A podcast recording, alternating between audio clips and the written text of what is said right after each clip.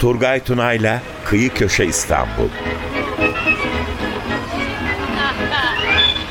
Üsküdar'a giderken aldı bir yağmur. Üsküdar'a giderken aldı bir yağmur. İstanbul'dan mekanlar, olaylar ve insanlar.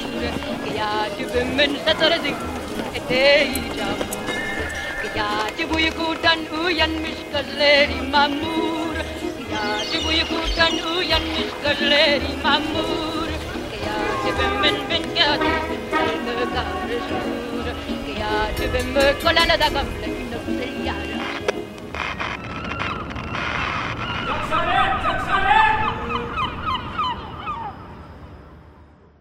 95.0 Açık Radyo'dan selamlar, sevgiler, saygılar değerli dinleyicilerimiz.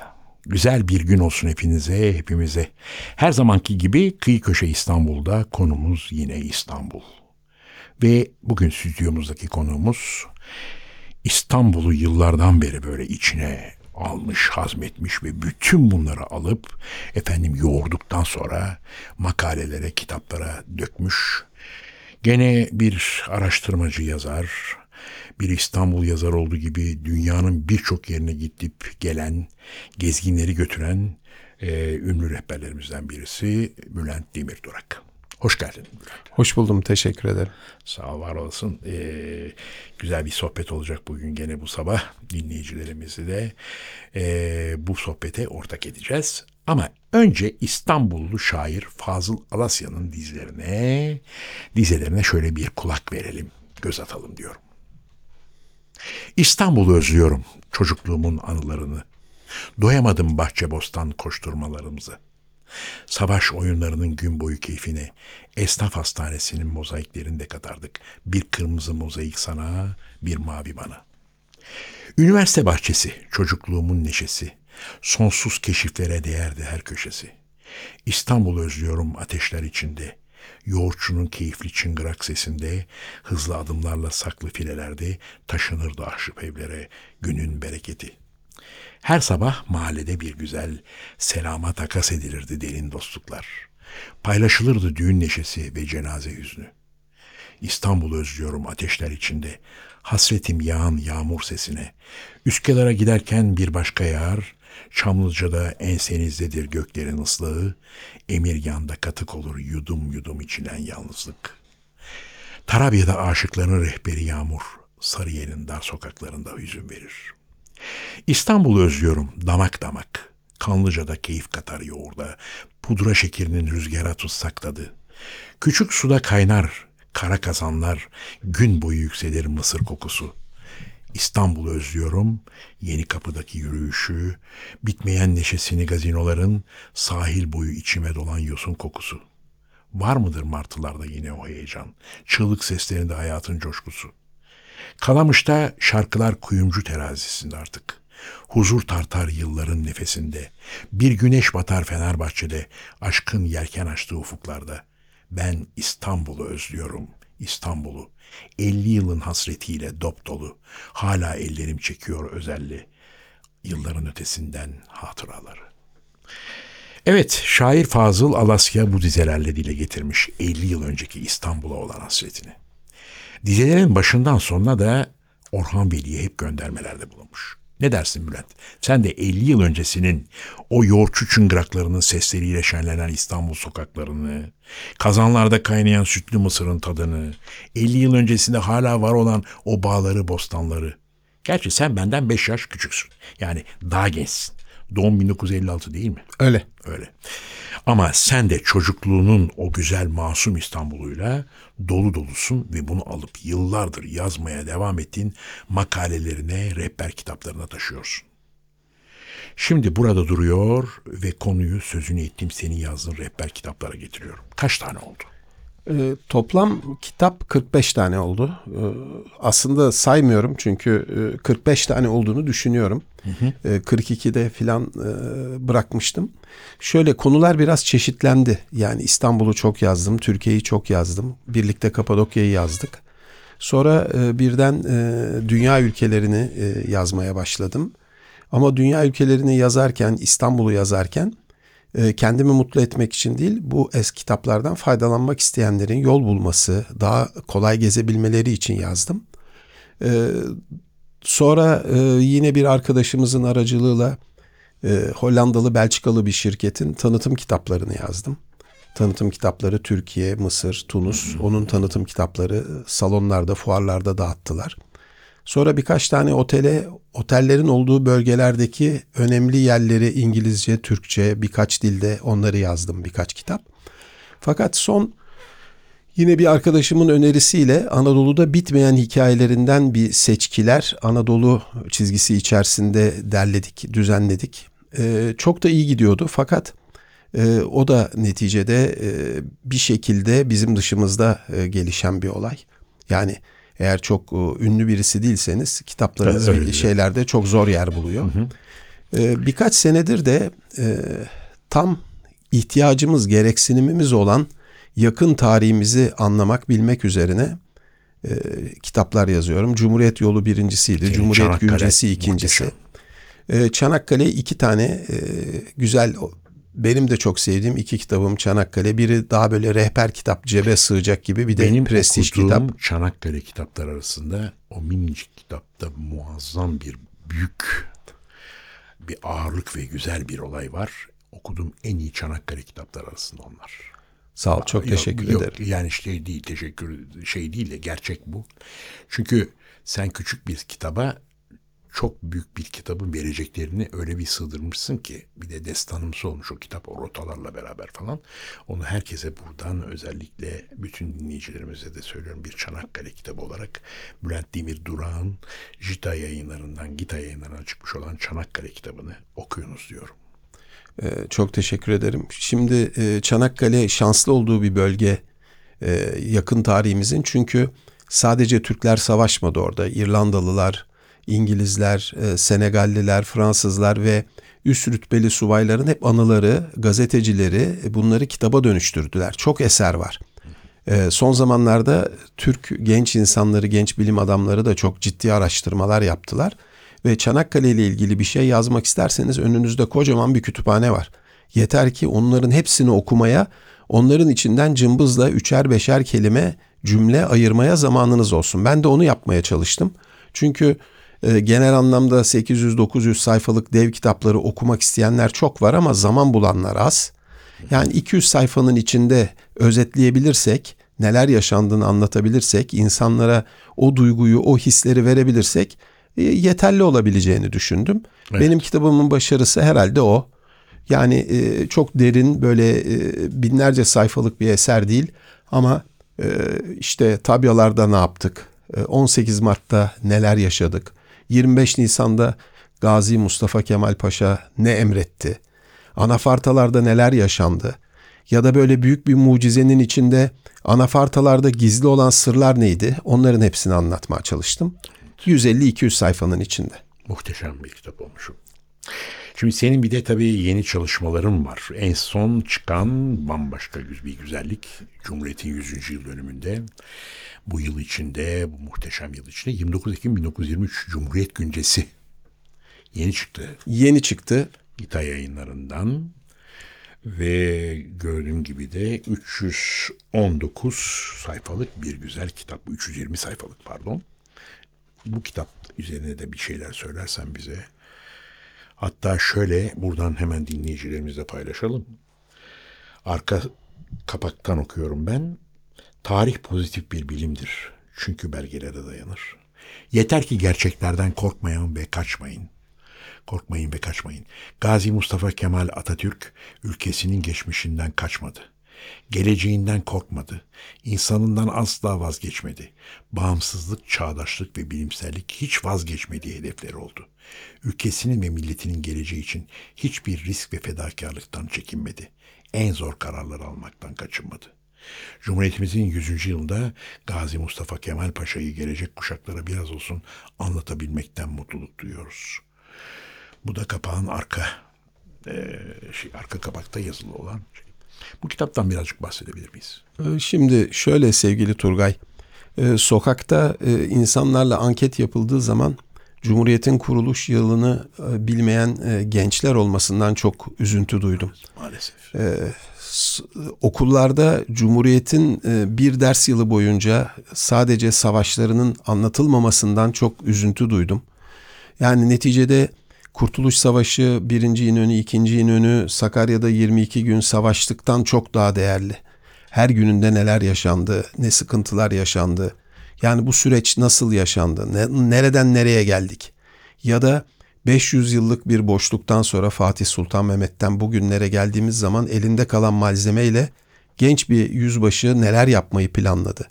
Şam'a üç kere gitmiştir Mustafa Kemal Paşa ve her üçünde de e, mucizeler yaratmıştır ama bunlardan hiç söz edilmedi veya e, hayatının nasıl pamuk ipliğine bağlı olduğu bize hiç anlatılmadı. Yani birkaç kere e, gerçekten göz yaşartıcı biçimlerde ölümden dönmüştür ama asla vazgeçmemiştir. Tabancası yastığının altında Ankara bağlarında 1919'da Ankara'ya geldiği zaman günlerce öyle korumasız kalmıştır. Yani Cumhuriyet çok zor bir süreçti ve 15 yıllık e, bir savaş sürecinin sonuydu. Daha sonrasında bütün devrimlerde gösterdiği kararlılık.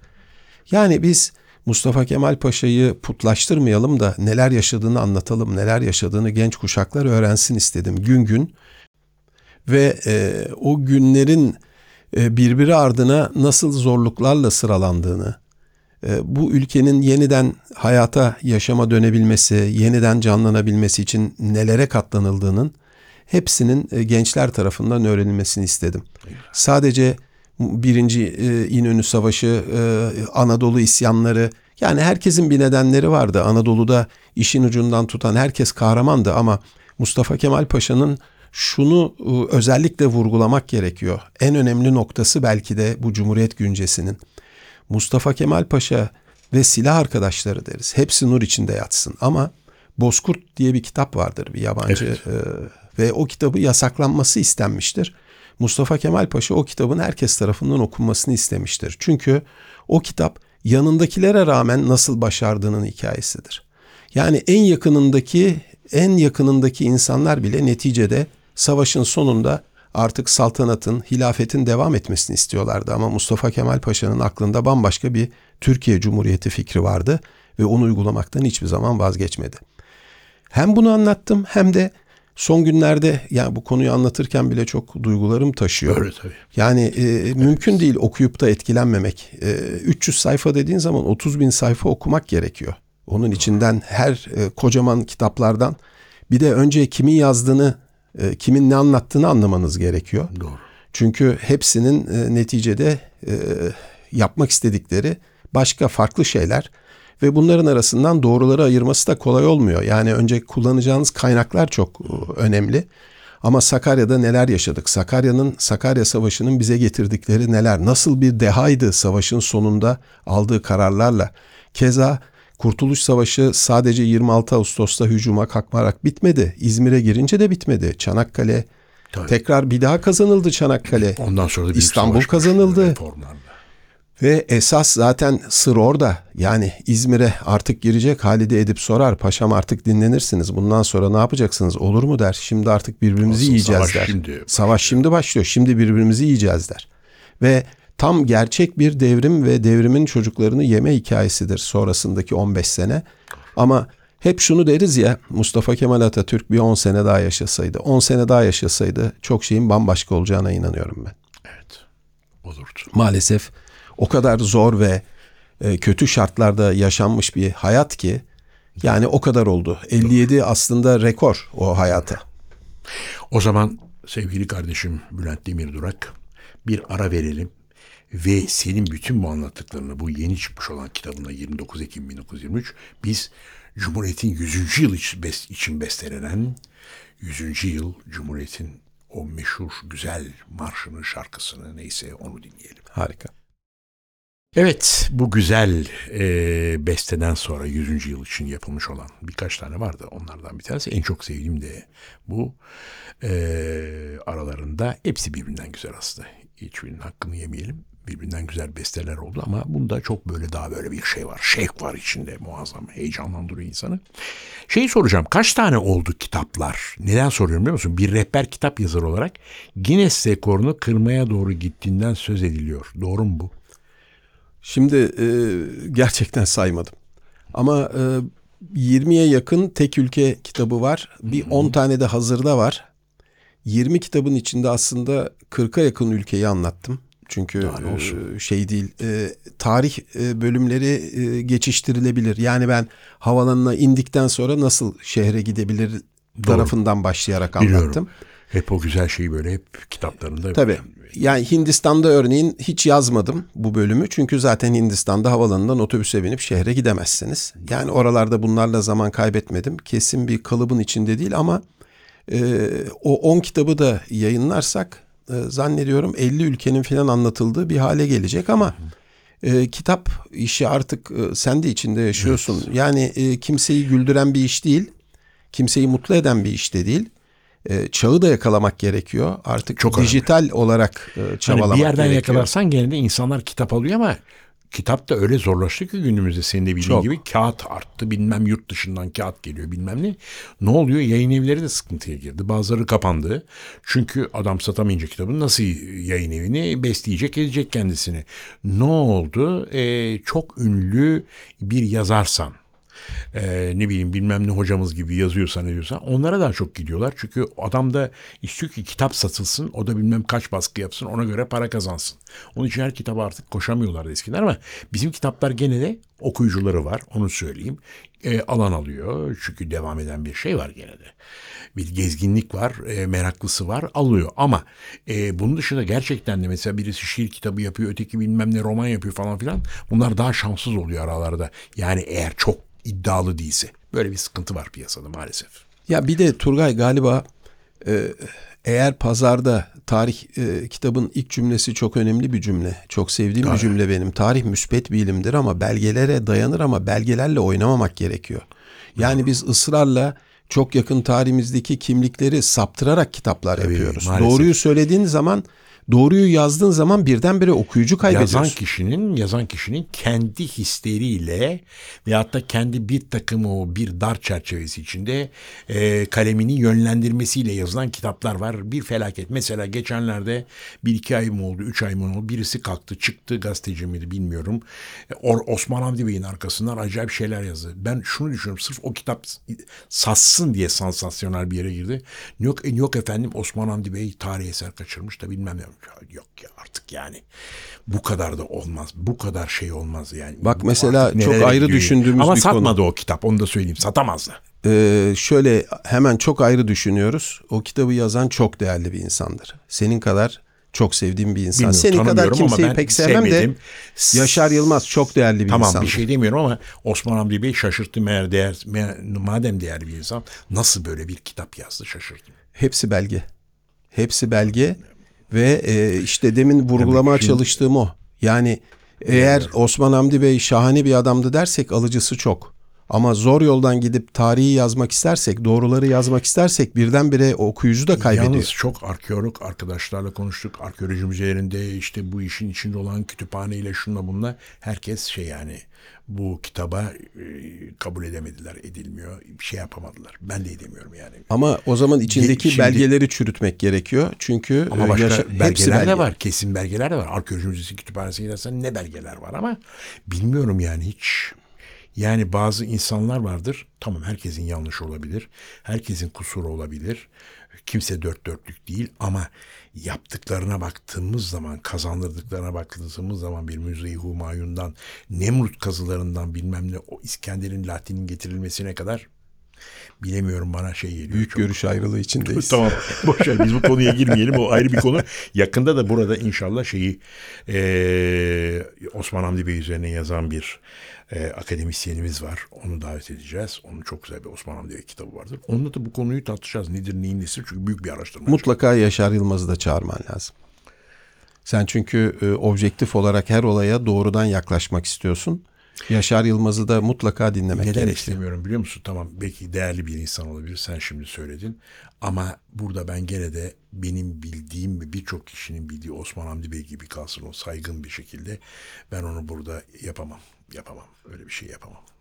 Karar senin. Yani doğru, doğru. Çok sağ ol, var olasın ee, bilgiler için. Bu arada şöyle söyleyelim, inşallah bu rekoru kırarsın. Demin de söyledim. İnşallah yani araştıracağım kaç kitap Tabii yazılmış. bak araştır bu tempo ya da bu ben bunu başaracağına inanıyorum onu da söyleyeyim sana. Sen de uzun yıllardan beri dünyanın bir köşesinden bir öteki köşesine bir konar göçer misali mesleğini sürdürüyor ve gezginlere rehberlik ediyor, onları gezdiriyor, gezdiriyor, gezdiriyorsun. Kaç ülke oldu? Yani e, onu da saymıyorum. Ama iyisi o. tahminim benim 100 civarındadır. Ha, çok iyi. E, Bir de zaten sayanlar var böyle hani işte şu Çok anlamsız yaptım, bir yapboz yaptım, olarak şu bakıyorum ona. Şey yani hiç. O herkesin işte bir kendi şeyi belki ne bileyim kendine mahsus bir iddialı bir tarafı. Ee, ben de hiç şey değilim. ya Bak sen Mısır'a kaç o. kere gittin?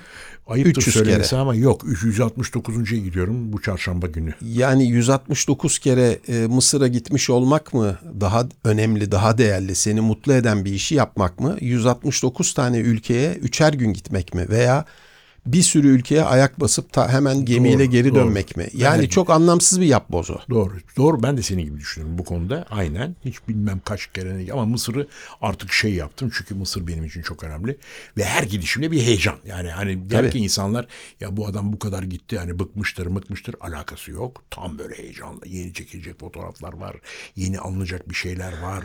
yeni oradan bir mesela bir hierogliflerin arasında göreceğim yanlarında bir motif var bilmem ne var. Her zaman heyecan dolu bir şey bu. Herkesin öyle kendi heyecanları tabii. Bu arada eee, şunu söyleyeyim. Benim bildiğim kadar sen de Türkiye'de en çok ülke görmüş, gezdirmiş birkaç rehber arasındasın. Onu diyecektim. Onun için ama söylediğin gibi eee, hani bunun önemi yok. Kaç tane gittik, ne kadar gittik falan. Aynı fikirdeyim seninle. Mühim olan görüp gördüklerini paylaşabilmek en iyi şekilde gezdirdiklerini ve ayrıca kitaplarınla her şeyle bundan başka büyük mutluluk ve çok gitmeden de daha şeyi bundan başkası olamaz. Aynen. Bu da bir şanstır. Herkes yapamaz tabii ki.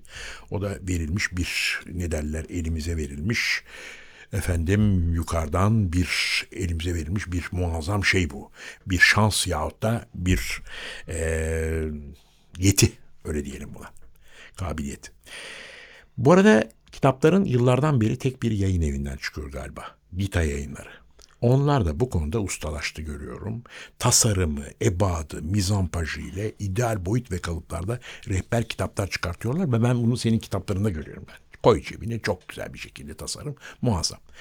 Öyle, şu, e, ne diyorsun bu konuda? Çok amacımıza ulaştık. Çünkü ilk kitabı çıkarmadan önce hangi boyutta olması gerektiği için haftalarca düşündük. Ama en kolayı insanların cebinden çıkarıp o sayfayı arayıp o sayfayı çıkarıp öndeki e, şeyden bulması, yanında fotoğrafını bulması ve o kitabın ona yol göstermesi. Yani kitapların hiçbirinin üzerinde bizim ismimiz var, ismimiz yok. Hiçbir önemi yok. Önemli olan Şahane. e, gezen insanlara yararı dokunsun. Ve de İstanbul kitaplarım var. Bunların bütün arasında sen de bir İstanbul rehberisin aynı zamanda. İstanbul kitaplarında da arada bu şeylere başka renk katıyorsun. Hani Küba'dan bilmem Hindistan'a da Fransa'dan bilmem nereden efendim Belçika'ya da ama o bir tarafta bir de İstanbul kitaplarında da renk katıyorsun. İstanbul muazzam bir yer. Yani nerede yaşadığımızı Sonsuz. insanların anlaması gerekiyor Doğru. yani. Sonsuz bir hazine, bir şey yani ne bileyim ben. Ee, uçsuz bucaksız, dipsiz bir kuyu İstanbul. Anadolu yakasındaki camiler, her semtteki camileri gezeceğim deseniz 3 gün lazım. Tabii tabii. Bülent'ciğim bu arada senin kitaplarının birçoğunda o ilk sayfasında çok sevdiğim bir ibare bir cümle var. Şöyle yazma, yazıyorsun hep. Ruhumun olanca özgürlüğüyle bakıyorum o uzaktaki vapura ve yavaşça bir dümen başlıyor dönmeye içimde. Dümen dönmeye başlıyor içimde. Kimin Fernando Pessoa, de- değil mi? Portekizli. Çok güzel, şahane güzel. e, Lizbon'a giden dostlar e, Santa Catalina o fünikülerden çıktıkları zaman kafe gibi bir meydana gelirler. Orada da bir heykeli vardır. Hmm. Ona sarılarak fotoğraf da çektirebilirler. Şahane.